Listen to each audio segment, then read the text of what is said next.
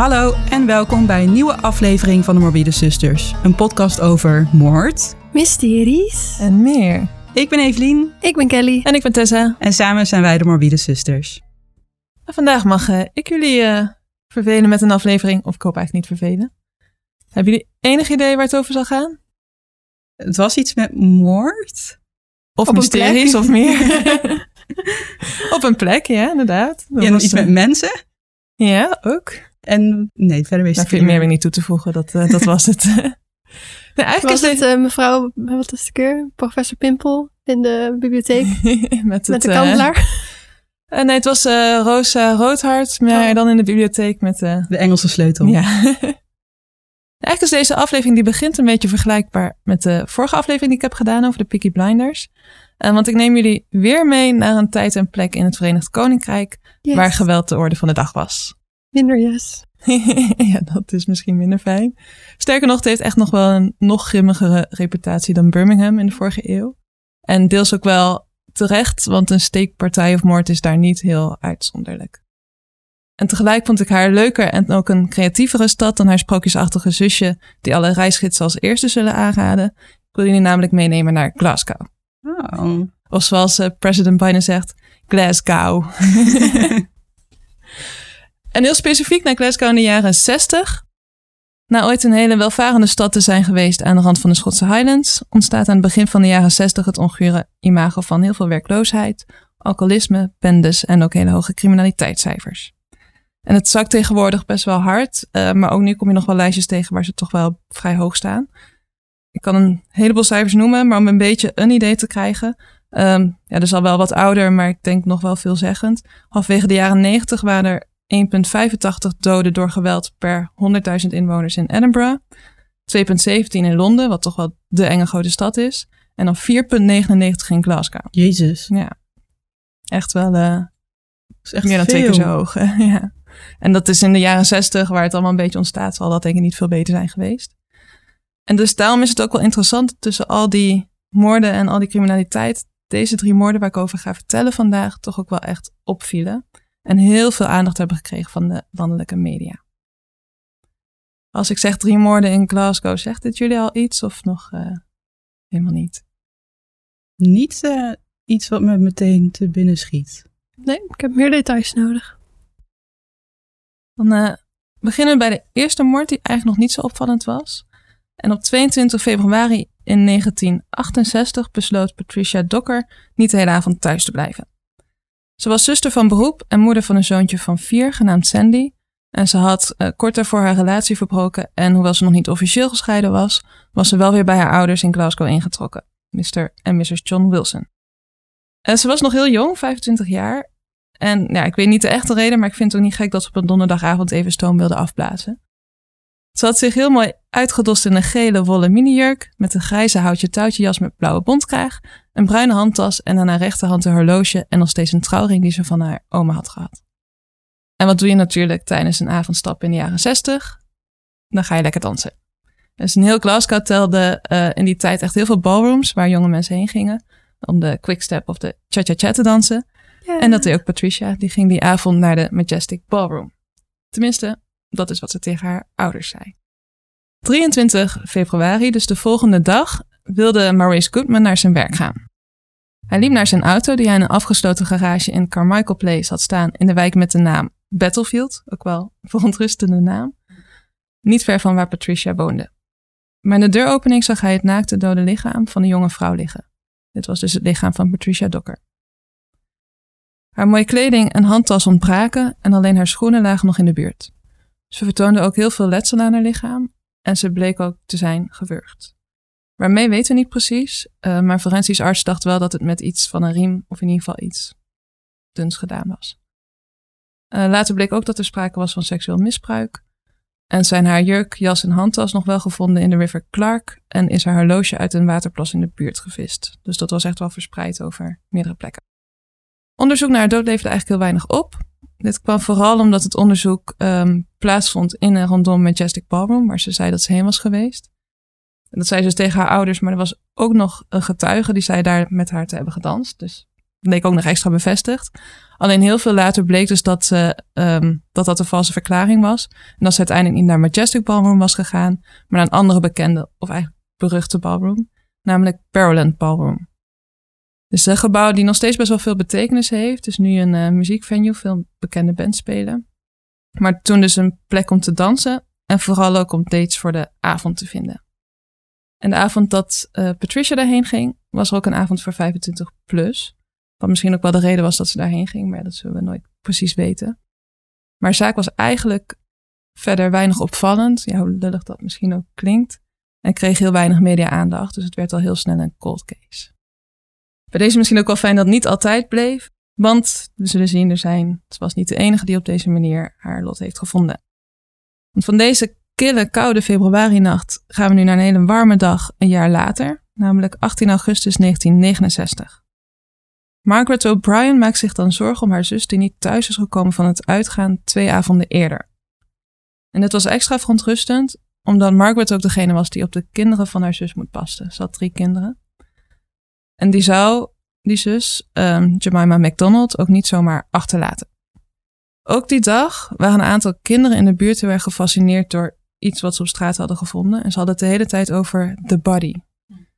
Dus toen Margaret dit hoorde, zal ze waarschijnlijk wel een heel onheilspellend vermoeden hebben gehad. Ze is in ieder geval gaan kijken. En ze heeft dus uiteindelijk haar eigen zus daar gevonden. Oh, dat is ook echt wel heftig. Lijkt me echt zo naar. Ik bedoel, het lijkt me sowieso naar om een lijk te vinden. Maar dan ook nog van iemand die je kent. Ja, en ook ja, in de staat die yes, het was. Ja. was wel wat verschil. Ze had deze keer um, nog wel de kleren aan. Dat is misschien maar goed. Um, wel was de ondergoed gescheurd. En ook bij Jemima was de doodsoorzaak wurging. En het was duidelijk dat hiervoor haar panty was gebruikt. En er bleek uiteindelijk dat er nog meer overeenkomsten waren, want ook Jemima was verkracht en mishandeld en vooral ook in het gezicht geslagen. En niet alleen de moordscène vertoont veel gelijkenissen met Patricia. Jemima MacDonald, ook wel vaak Maima genoemd, was ook een alleenstaande moeder van Elizabeth, 12 jaar, Andrew van 9 jaar en Ellen van 7 jaar. En ik heb ook ergens gelezen dat ze eerder in haar leven te maken heeft gehad met huiselijk geweld, maar daar weet ik verder niet zoveel details van. Ze was 32 jaar, dus iets ouder, en heel veel van haar vriendinnen waren al getrouwd.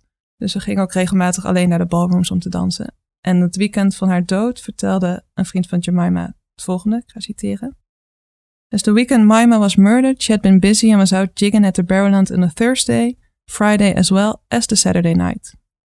She never admitted as much, but we believe she had met a fella who she was keen on and wanted to know a bit better.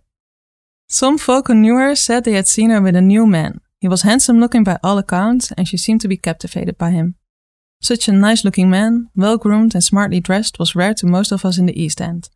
Anyone who dressed like that tended to be something to do with the police. Jemima was eigenlijk dus drie avonden achter elkaar al naar Barrowland gegaan en ze had waarschijnlijk een man leren kennen uh, die dus knap was, goed gekleed en die opviel in de East End. Dus mocht je de East Enders bekend voorkomen, dat heb je ook in Londen, maar ook in uh, Glasgow blijkbaar. En de ene keer wordt hij beschreven als jong, goed gekleed en zachtaardig of softspoken. De andere keer als lang, dun en roodharig. Dat sluit elkaar natuurlijk niet helemaal uit, maar het zijn dus uh, ja, verschillende beschrijvingen. En wat opviel is dat hij tijdens het gesprek het Oude Testament van de Bijbel citeerde. Maar gek genoeg is dit nog niet waar de naam van de seriemoordenaar vandaan komt, namelijk Bible John. Maar al wel een aanknopingspunt. En de politie zag ook overeenkomsten tussen de twee moorden, dus van Jemima en Patricia.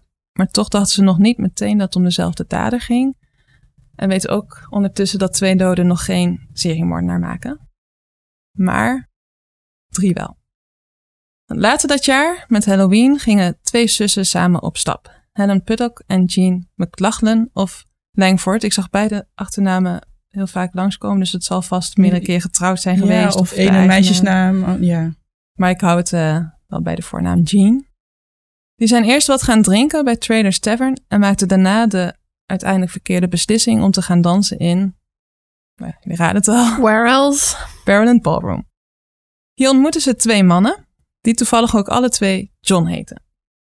De ene John kwam uit Castlemilk, ook een wijk in Glasgow, en wordt daarna overal ook Castlemilk John genoemd. We weten niet precies waar die andere vandaan kwam, maar de andere John die was uh, heel wel bespraakt. Aan het einde van de avond zorgde die andere John wel voor wat ophef. Want nadat hij uh, het geld in een sigarettenmachine had gestopt en die niet terugkreeg en blijkbaar ook geen sigaretten, had hij nogal tennis geschopt en is hij ook uit de club gegooid. Dus toen zijn ze uiteindelijk alle vier naar huis gegaan en Castle Milk John ging apart naar huis om de laatste bus te halen en de andere John stapte bij de zussen in een taxi. En ik zag ergens nog dat dit zelfs iets was waar hun moeder voor had gewaarschuwd, omdat hij ook op de hoogte was van de eerdere Maryland-moorden. Hij wilde ook dat ze eerst Jean afzetten en daarna reed hij met Helen verder. De ochtend daarna werd Helens lichaam in de achtertuin gevonden, haar eigen achtertuin, door een man die zijn hond aan het uitlaten was. En ook Helen bleek, net als de andere twee, verkracht en gewurgd.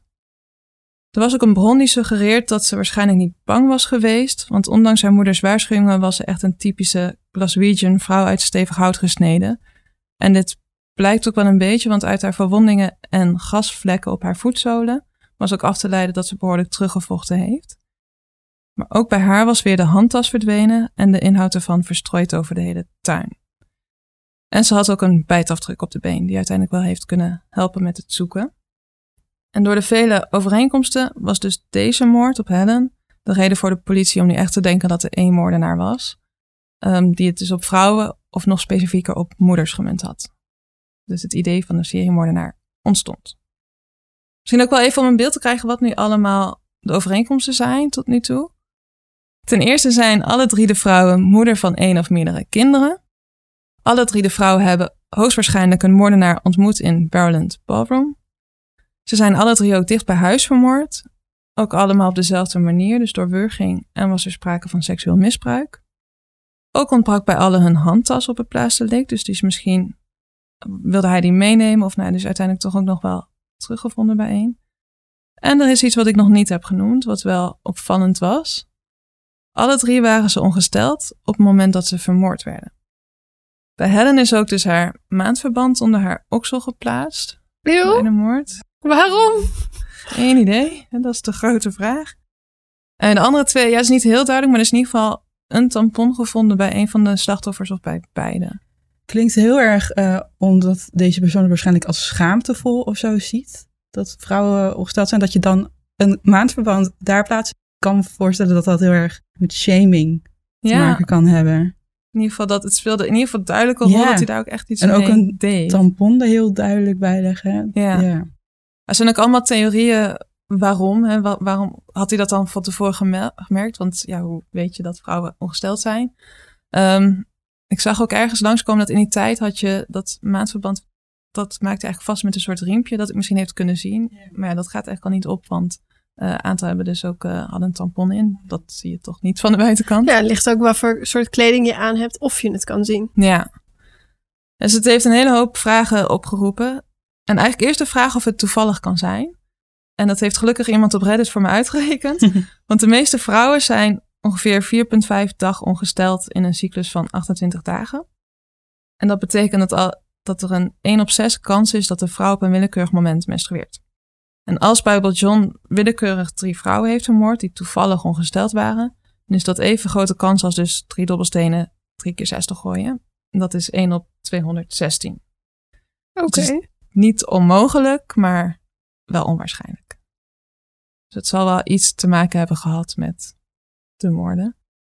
Het kan zijn dat hij ze hierop heeft uitgekozen.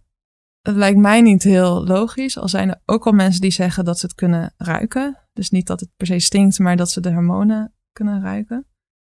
Mij lijkt het logischer dat ze dachten, of dat Bible John erachter kwam vlak voordat hij misbruik van ze maakte. Ja, dat denk ik ook. Dat hij daar gewoon boos of zo over werd. Of, ja. ja. precies. Um, het is ook niet helemaal duidelijk of de vrouwen wel vrijwillig seksueel contact met hem zochten.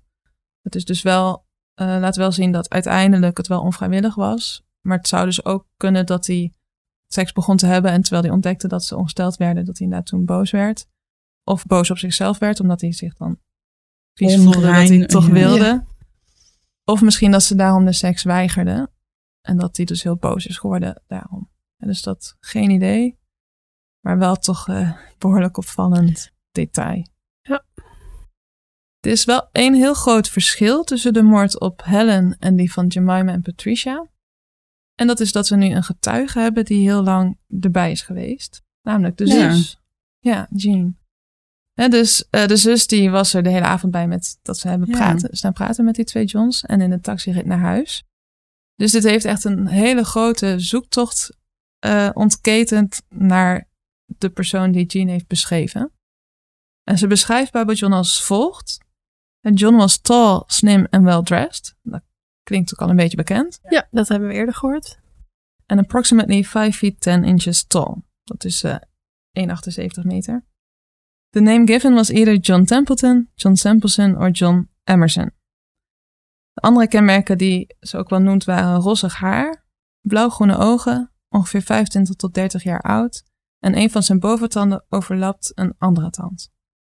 En hij droeg ook een polsband of een horloge die waarschijnlijk veel militairen toen droegen. En hij heeft ook wel wat dingen verteld over zichzelf. Hij heeft bijvoorbeeld verteld dat hij geheel onthouder was en zelfs niet drinkt met hokmenee, wat uh, nou, Kelly weet waarschijnlijk wat het is. Ja. Een Schotse oud en nieuw. Echt wel een groot feest daar. Ja, het is echt het uh, grootste feest een beetje van het jaar. Ja, ik wil echt een keer heen naar Schotland als oud en nieuw is. Zullen we dat uh, volgende morbide zuster Nummer 13 of zo ondertussen. hij schepte ook op over een neef die een hole-in-one had gemaakt met golf. En hij zei niet voor de Rangers of de Celtics te zijn, de, de voetbalclubs van Glasgow. Maar hij was agnost. En hij citeerde heel veel uit het Oude Testament. En dat heeft hem echt vooral die bijnaam bezorgd. Vanuit deze overtuiging, dus die christelijke overtuiging, oordeelde hij ook heel erg over bepaalde vrouwen die je tijdens uitgaan tegenkwam. Hij vertelde namelijk hoe hij niet oké vond dat getrouwde vrouwen naar clubs als de Barrowland gingen. Die ze dus eigenlijk ook over Helen heeft, want die was getrouwd. En hij noemde de plek dan ook wel een adulterous den of iniquity. Wat iets als een hol betekent waar iedereen vreemd gaat en allemaal verkeerde dingen doet. Maar als hij daar zo op tegen is, waarom gaat hij er dan zelf heen? Ja, misschien om ze te straffen. Verdacht. Mm Er werd ook naar aanleiding van haar beschrijving een uh, compositietekening gemaakt. En dit werd echt het belangrijkste aanknopingspunt in de zoektocht.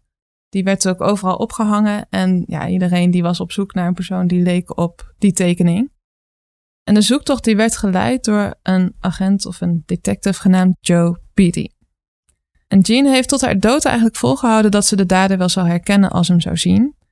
En door die compositietekening, die dus volgens Jean ook echt wel goed leek, dacht ook Beatty, dus die detective, dat hij de dader wel zou herkennen. En dat betekent dat hij ook heel veel verdachten of de foto's van verdachten afwees, gewoon omdat hij dacht, uh, dit is hem niet. Er zijn ook heel veel mensen ondervraagd, echt tienduizenden. En Jean heeft zelf honderden line-ups bekeken waar, de dader, waar ze dus de dader moest uitpikken uit een rijtje mannen. Echt ook volgens mij rond de 300. En het, ja, het lijkt zo mooi dat ze een getuige hebben en een beschrijving van zijn uiterlijk hebben. En het leek ook iemand te zijn die uit Glasgow kwam. Hij wist bijvoorbeeld ook heel veel van het treinnetwerken in het noorden van de stad. Dus het leek echt een kwestie van maar genoeg mensen de poster laten zien. En dan moest iemand hem wel herkennen als een buurman, kennis of collega. Toch leidt het uiteindelijk tot niets en werd het uiteindelijk, werden alle drie de zaken cold cases. Als je dit nou zo een beetje hoort, wat voor type denken jullie dat het dan is? Het allereerste wat bij me opkwam bij dat stukje uh, over ongesteld. En dan denk ik meteen, zal wel iets met onrein te maken hebben. Nou, obviously iemand die vrouwen haat. Klein beetje ook aan een Madonna-complex misschien denken ja. dat die man dat heeft. Maar dat ook die... over die adulterous ja. en zo, dat Ja. hij daarover begon. Als je je daar zo mee bezighoudt, vind ik hem sowieso als een type van... Ik ben beter dan anderen. Ja, maar dat vrouwen dus ook uh, op een voetstuk moeten worden, zeg je dat toch? Een voetstuk worden geplaatst. Maar dan is het wel interessant dat die achter moeders aangaan, alleenstaande moeders. Because, you know, de Madonna en de hoorcomplex. Ja, en ook om, hij gaat dus naar de bal, nou wat we net ook zei, naar die ballroom waar dus vooral veel mensen komen om dates op te pikken. Dat hij misschien echt specifiek die vrouwen eruit pikt waarvan hij denkt, die horen hier niet te zijn. Ik vind het dan gewoon heel typisch. Dat, dat, waarom ga je dan naar een plek waar mensen komen waar jij niks mee hebt? Nou ja, omdat hij zich dus beter voelt. En misschien heeft hij dan toch een beetje ook het complex dat Ja. hij denkt van, nou, ik mag jou dus. Ik ben een hele vrome man, blijkbaar. Aan de andere kant ben ik wel benieuwd, want hij zal dan misschien wel ze hebben uitgepikt omdat ze moeder zijn. Mhm. Maar misschien dus wel pas bij de data achterkomen dat ze ook ongesteld zijn. Of het dan dus wel oké was, of oké genoeg was als het moeders waren die niet ongesteld waren. Dat die misschien wel af en toe ja, seks hebben gehad met dan die Bible John of iets. Of misschien heeft hij die beter verstopt. Ja, Waren er heel veel vermiste vrouwen in die tijd? nou ja, meer dan gemiddeld waarschijnlijk. Maar uh, ja, geen idee. Ik denk dat dat misschien wel was opgevallen nog. Dat hoop ik. Dat mag ik hopen. Ja. Ik vind het gewoon weer zo'n typisch gevalletje, weet je wel. Toen je begon over dat die Bijbeltekst, uh, testament ja. uh, citeerde, dan ben je wel... ja, niet dat iedereen die in de Bijbel gelooft zo is, maar het is wel typisch dat je dan mensen hebt die het allemaal zo letterlijk nemen. Want volgens mij staat ook in de Bijbel, zag ik ook op Reddit worden gequote, dat, um, dus dat als je ongesteld bent, dan ben je zeven dagen onrein, inclusief dat wat je, het bed en een stoel die je aanraakt. En ook als je als man dan een vrouw aanraakt, ben je ook tot de avond onrein. Ja, als dat iets wat jij uh, opneemt, dan uh, vind je dat niet, niet heel heel uh, bevorderend. Vind je dat niet heel vreemd dat je dan dus onrein zou zijn, terwijl het ook het teken is dat je vruchtbaar bent en vrouwen moeten ook kinderen op de wereld brengen, dus daar gaat iets niet helemaal goed. Ja, het is, het is essentieel. Ja. Weet je wat ook in me opkwam toen je een beetje beschreef voor zijn gedrag? Hij heeft zo'n holier than thou attitude. Ja, ja zeker wel uh, vromer dan alle mensen om hem heen. Dat, uh, zeker. Dat is gewoon het eerste dat in me opkwam. Zo van, oh, sorry. En er zijn wel meerdere verdachten geweest. En ik wil die ook wel doornemen met jullie. Maar misschien wel ja, grappig of eigenlijk wel heel lullig om mee te beginnen. Er was één persoon die echt heel erg op de tekening leek. Dus die werd echt de hele tijd gemeld door mensen. Terwijl hij eigenlijk al meteen een alibi had en kon bewijzen dat hij het niet was. Ik zag volgens mij ook ergens, ik weet niet of het klopt hoor, maar dat hij een kaartje van een politie had gekregen. Um, van hij is het niet. dat hij echt op een gegeven moment alleen maar Oh, hoefde wauw. laten zien. Dat lijkt me ook echt heel erg als je op iemand lijkt. Ja. Dat je de hele tijd moet zeggen, nee, maar ik ben het echt niet. De eerste verdachte die ik wil bespreken is John McInnes. Hij was al vroeg verdacht, maar werd door Gene niet geïdentificeerd in de line-up. En het verhaal vind ik ook een beetje ongemakkelijk. En hier ook een trigger warning als je niet eh, goed tegen verhalen over zelfmoord kan. Dan even een paar 10, 30 seconden verder skippen. Maar McInnes heeft toen hij 41 was, dus een jaar na de drie moorden, heeft hij zelfmoord gepleegd door zijn polsen door te snijden. En er was een theorie van een psychiater dat hij dit misschien zou hebben gedaan vanwege de thrill. En dit een daad van een psychopaat zou kunnen zijn. Dat vind ik dus een beetje een ongemakkelijke conclusie. Hij had misschien ook ergens wel een link met een van de slachtoffers. Um, maar daarom was hij dus verdacht. Hij was dus verdacht omdat hij zelfmoord uiteindelijk heeft gepleegd. Ja. Is dat de conclusie? En ik zag ergens, ja, hij was misschien een cousin of hij kende een van de slachtoffers. Dus er was een link. En dit was dan verdacht zo vlak daarna. Dus dat was. Uh, Ik vind reden. vooral wat die psychiater zei verdacht. Uh, nou ja, eigenlijk verontrustend. Ja. Um, dus ze hebben heel lang gedacht dat hij het misschien was. En in 1996 was er in ieder geval vastgesteld dat er iets van overeenkomst was tussen het DNA dat gevonden was bij Helen Puddock, maar niet in heel goede staat meer was, en het DNA van de zus van McInnes. En ook tussen de bijtafdruk en zijn eigen gebit. En dit rechtvaardigde het opgaven van het lichaam van McInnes, zodat ze het op DNA konden testen. Uiteindelijk bleek het niet overtuigend genoeg. Um, dus de DNA-overeenkomst, maar ook de bijtafdruk was eigenlijk nooit echt heel duidelijk. Het zou het kunnen zijn, maar er waren eigenlijk te weinig details om dit echt te kunnen zeggen. En dus is hij ook weer kwijtgescholden. Dus het is niet helemaal zeker, maar er is niet heel veel reden om aan te nemen dat hij iets ermee te maken had. Zou natuurlijk ook wel heel makkelijk zijn als hij de dader was geweest, want die heeft al zelfmoord gepleegd. Klaar. Ja, opgelost. Ja. ja. Blijf erbij, wat die arts zei was echt of die psychiater. Ja, ik vond het ook een beetje Ja, ik heel erg opvallend. of zo. Ja. Misschien al dat het niet veel voorkomt op die manier, dat het wel een heftige manier is, dat het iets zegt over je psychologie. Maar, maar ja, ze hadden natuurlijk vroeger wel meer eh, verkeerd in de psychologie.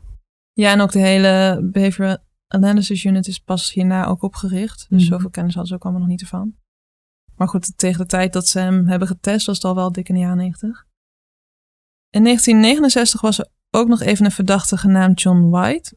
En hij leek ook echt heel erg op de compositietekening die dus was gemaakt. Naar aanleiding van Jeans getuigenis. Uiteindelijk is zijn naam op de lijst doorgestreept omdat zijn voortanden niet overeenkwamen met dus die tandafdruk van Bible John. Want die tanden die hadden ook een beetje overlap.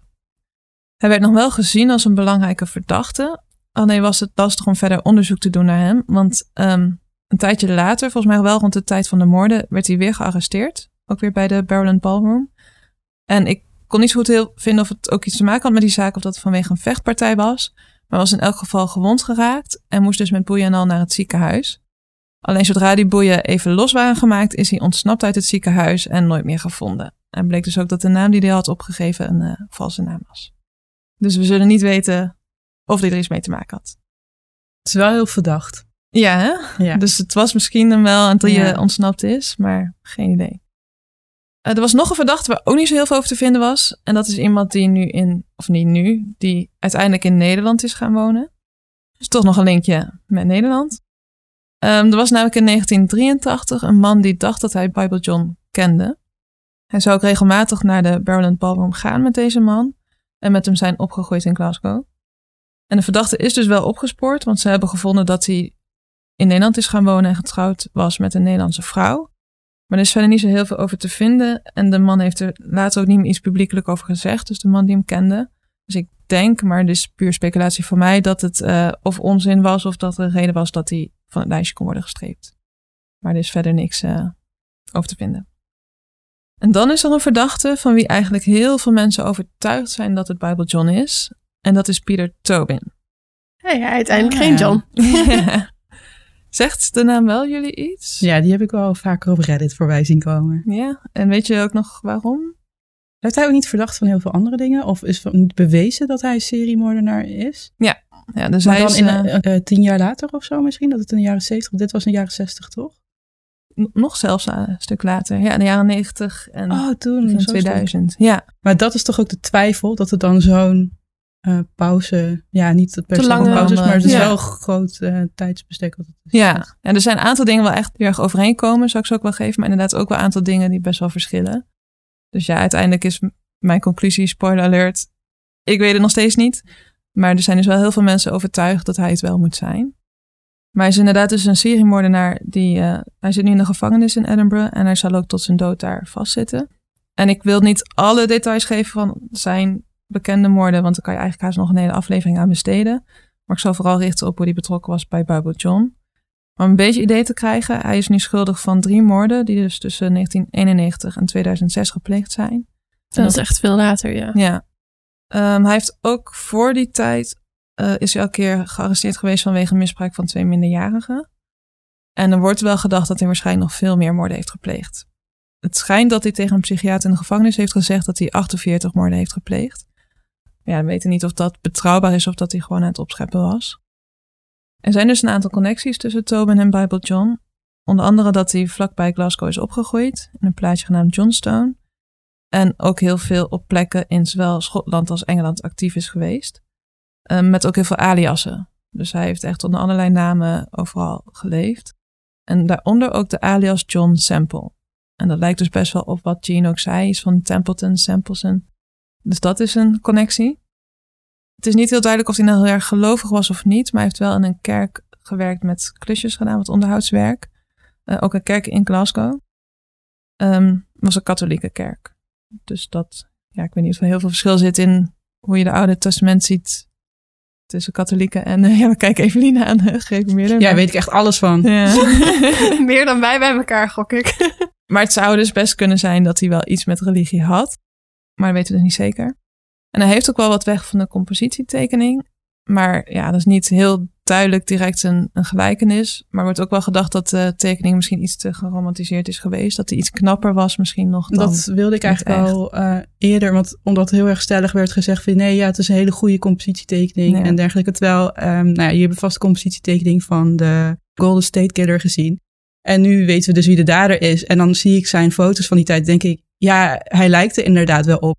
Maar ik denk nog steeds dat er heel veel anderen ook gewoon op lijken. Ja. Ja. Dus de kans is toch best wel groot dat dat hier ook bij is. Ja, en weet ondertussen ook dat getuigenissen echt niet heel Nee. betrouwbaar zijn. En ja, dat weet ik niet precies, maar klinkt misschien een beetje lullig. Maar het kan ook zijn dat Jean niet helemaal nuchter meer was tegen de tijd dat ze John leerde kennen. Maar de schijnt- leeftijd, dan komt dat wel een beetje. Want je kunt je wel herinneren of de man van 30 is of van 20, dat zie je denk ik. En zij dacht dus tussen de 25 en 30. Ja, misschien dat, dat zou nog op zich nog Ja. wel kunnen.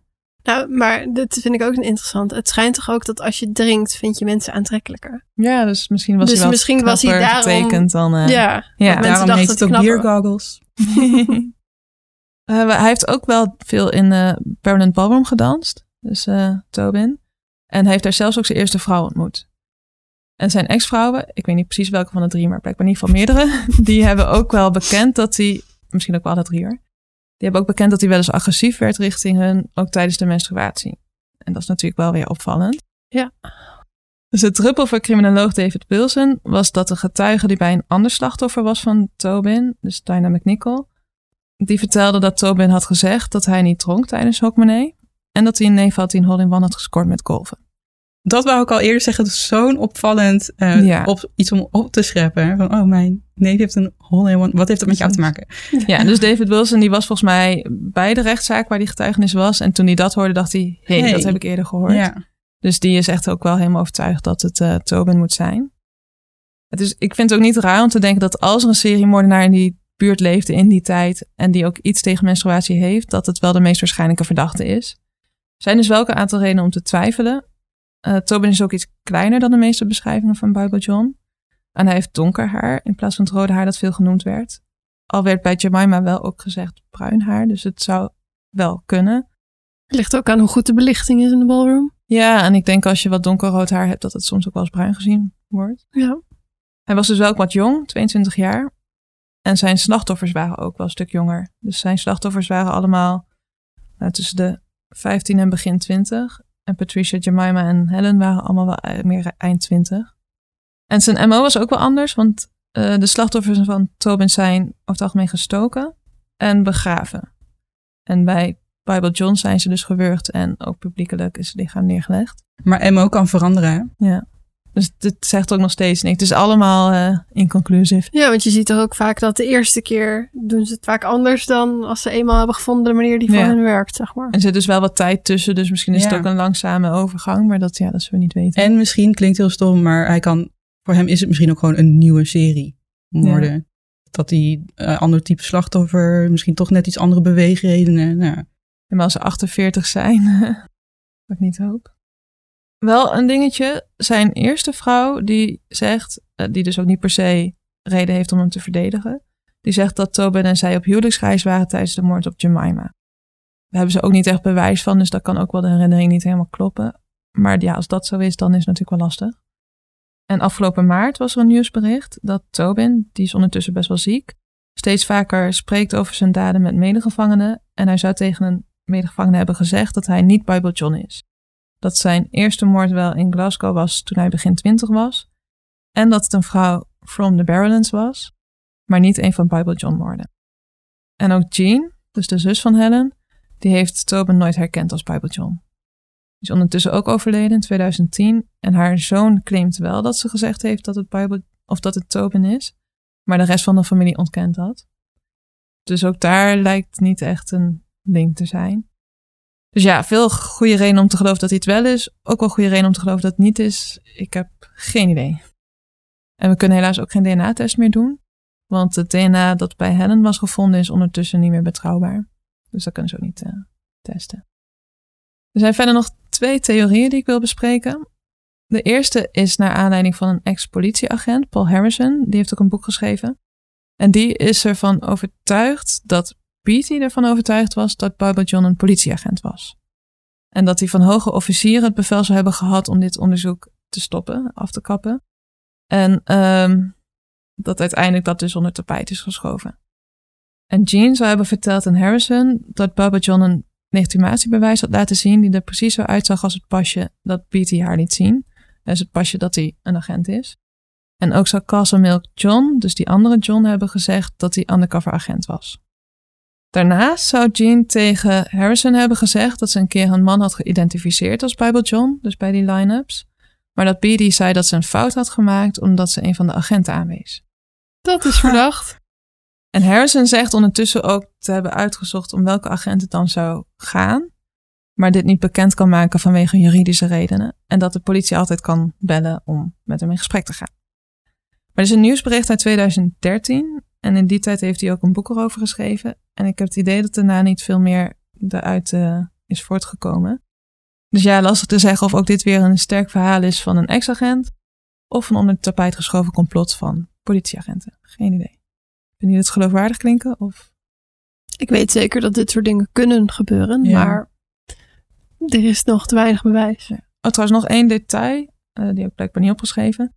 Ehm, er zijn ook heel veel bewakers van Barrowland geweest. Die hebben gezegd dat, het een, dat ze een agent hadden gezien. Of dat het een agent was. Dus dat is ook wel opvallend. Maar hoe? Dan? Iemand in uniform of gewoon een Ja, weet ik niet In- precies. in of ze dan herkenden als Ja. een agent of... Ja. Is wel eh, interesting. Dan zijn er ook nog critici die afvragen of er überhaupt wel één persoon was die alle moorden heeft gepleegd. Want ja, door de getuigenis van Jean en die posters die door heel Glasgow hingen en de hele grote jacht die ook overal in de media was op de seriemoordenaar, ehm, dat die hebben misschien wel zo erg tot die verbeelding gesproken dat ze ook heel erg hoopt op een gegeven moment op een seriemoordenaar. Dat ze niet meer heel kritisch hebben gekeken naar de mogelijkheid dat het misschien niet met elkaar verbonden was.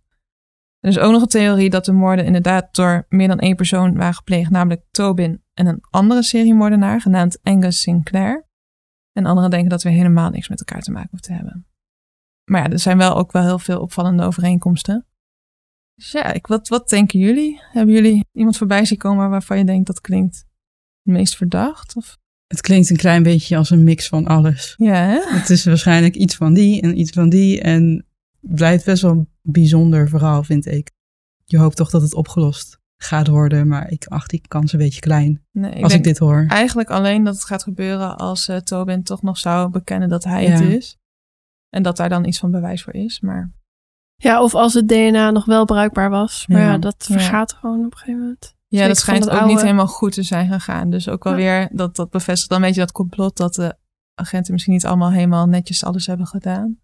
Aan de andere kant is het ook, dit was de jaren zestig. Ja. Precies. Ik heb wel heel vaak gelezen dat politieagenten eh, met DNA eh, dat gingen bewaren omdat ze wisten dat er in de toekomst wat mee gedaan kon Klopt. worden. Maar dan moet dan ook maar iedereen op dat moment Ja. eh, Doen. En netjes op de manier. Ja. Want je weet, het komt ooit. Maar hoe zorgen we dat het bruikbaar Ja. blijft? Want het, ja, je weet ook niet wanneer het komt. Ja, en of hoe, hoeveel je ervan nodig hebt. Want ik weet ook met eh, DNA-testen dat ze dan zeg maar DNA van heel vroeger van de zaak hebben gepakt. Maar je hebt best wel wat nodig om er testen mee te doen. En dan kun je Ja, maar een paar keer testen. ook wel gedaan. Ja. Ja. Ja. Ja, dus dat is eh, ook allemaal onduidelijk. Maar ik, ik, denk, ja, ik denk wel dat John White het misschien wel zou zijn geweest. Dus die eh, in het ziekenhuis was ontsnapt. ja. Maar ja, dat kan nog steeds eh, iedereen zijn. Maar dat zou dus Tobin kunnen zijn met een alias. Of Angus Sinclair. Of iemand anders. Of ik weet het niet meer. Best wel frustrerend. Ja? Maar dat Ja, is ook, ik kan me ook voorstellen dat dat voor heel veel mensen al heel lang frustrerend is. Dus dat je ook hoopt dat Ja. het één persoon is en dat je die kan aanwijzen. En dat daarom misschien ook heel veel mensen ehm, ook wel geruststellend vinden als Tobin het gewoon is. Ja, zeker. Maar het is ook zo sneu voor de familie. Want dat is al zo heftig wat er dan gebeurt. Maar het fijnste is gewoon als iemand berecht wordt. En dan kun je tenminste nog een, voor zover dat mogelijk is, een plekje geven. Maar nu is het elke keer, ja, het kan die zijn, kan die zijn, Ja. kan die En ik denk ook juist voor de familie is het extra frustrerend elke keer als er weer nieuws komt. Want dan word Ja. je eraan herinnerd. Het lijkt me Ja. heel pijnlijk. Ik weet ook dat de man van Helen, eh, die, ehm, die heeft ook wel interviews en zo gegeven. Maar die is weer van iemand anders overtuigd. Dat heb ik er verder niet in opgenomen. Ehm, dat blijkbaar de bijnaam de Yorkshire Ripper heeft. Ik weet even niet zijn Oh, echte naam. Peter, is dat Peter Sutcliffe? Is dat de Yorkshire Zou Ripper? kunnen. Ja, Peter Sutcliffe is dat. Dus die zou het misschien ook nog kunnen zijn. Maar eigenlijk, wat ik vooral verontrustend vind, is dat er nog best wel veel seriemoordenaars zijn waaruit ze kunnen kiezen. Ja, dus al twee in de buurt van Glasgow. En dus misschien. eh, Maar dat waren toch ook wel een beetje de hoogtijdagen voor serial killers. Ja? Ja, jaren 60, 70 toch? eh, jaren 80, vooral Oh. 70, 80. Ja, ik wist dat het 70 was, maar inderdaad 70 en 80 zou zo kunnen. Ik dacht 60, 70. wat, wat zou dan in die tijd zijn geweest wat het erger maakte? Dat mensen toch een beetje vrijkwamen van burgerlijke leven of zo? Misschien ook eh, jaren 60. eh, in elk geval zit je nog wel in de nasleep toch ook van de eh, wereldoorlogen. Aan de andere kant ontstaan dan dus veel lood in het water misschien. Ja. Dan zouden we in Arnhem-Noord veel... Dat is een theorie, toch? Dat is met... eh, Dat heeft mijn vader bewezen. Oh. Oh, is, nee, maar in, eh, bij de last podcast aan Left, dat is daarover een verklaring dat er in die tijden dus heel veel seriemoorders eh, zijn. Dat het echt te maken heeft met chemicaliën die in stoffen zitten. En dat dat gewoon, ja, dat doet waarschijnlijk wel een beetje. Maar ik heb me daar verder totaal niet in verdiept. Maar het had iets met de dood te maken. Ik blijf meer van het team dat, dat mensen zeggen dat, dat je dat nu gewoon minder hebt. Omdat mensen nu gewoon sneller gepakt kunnen worden. Ja, misschien in die tijd het wel opkwam. Dus wel meer gepakt werden, dus waardoor het meer zagen. Maar nu misschien het weer afneemt omdat mensen bang zijn gepakt te worden. En misschien wordt helpt het ook mee dat de psychiatrische hulp beter is dat, geworden. ja. En dat gewoon eerder ingegrepen kan worden voordat iemand. Dat hoop ik. Dat klinkt wel als een fijne Dat, reden. dat hoop Ja. ik. ik weet het niet. Ik denk dat het ook echt wel met de maatschappij op dat moment te maken heeft. En met het, wat er in die tijd speelt. En Ja. Nee, maar je weet nu ook gewoon, nu weet je wel dat er altijd met DNA wordt getest. Dus je moet gewoon, ja, haast wel zo voorzichtig zijn.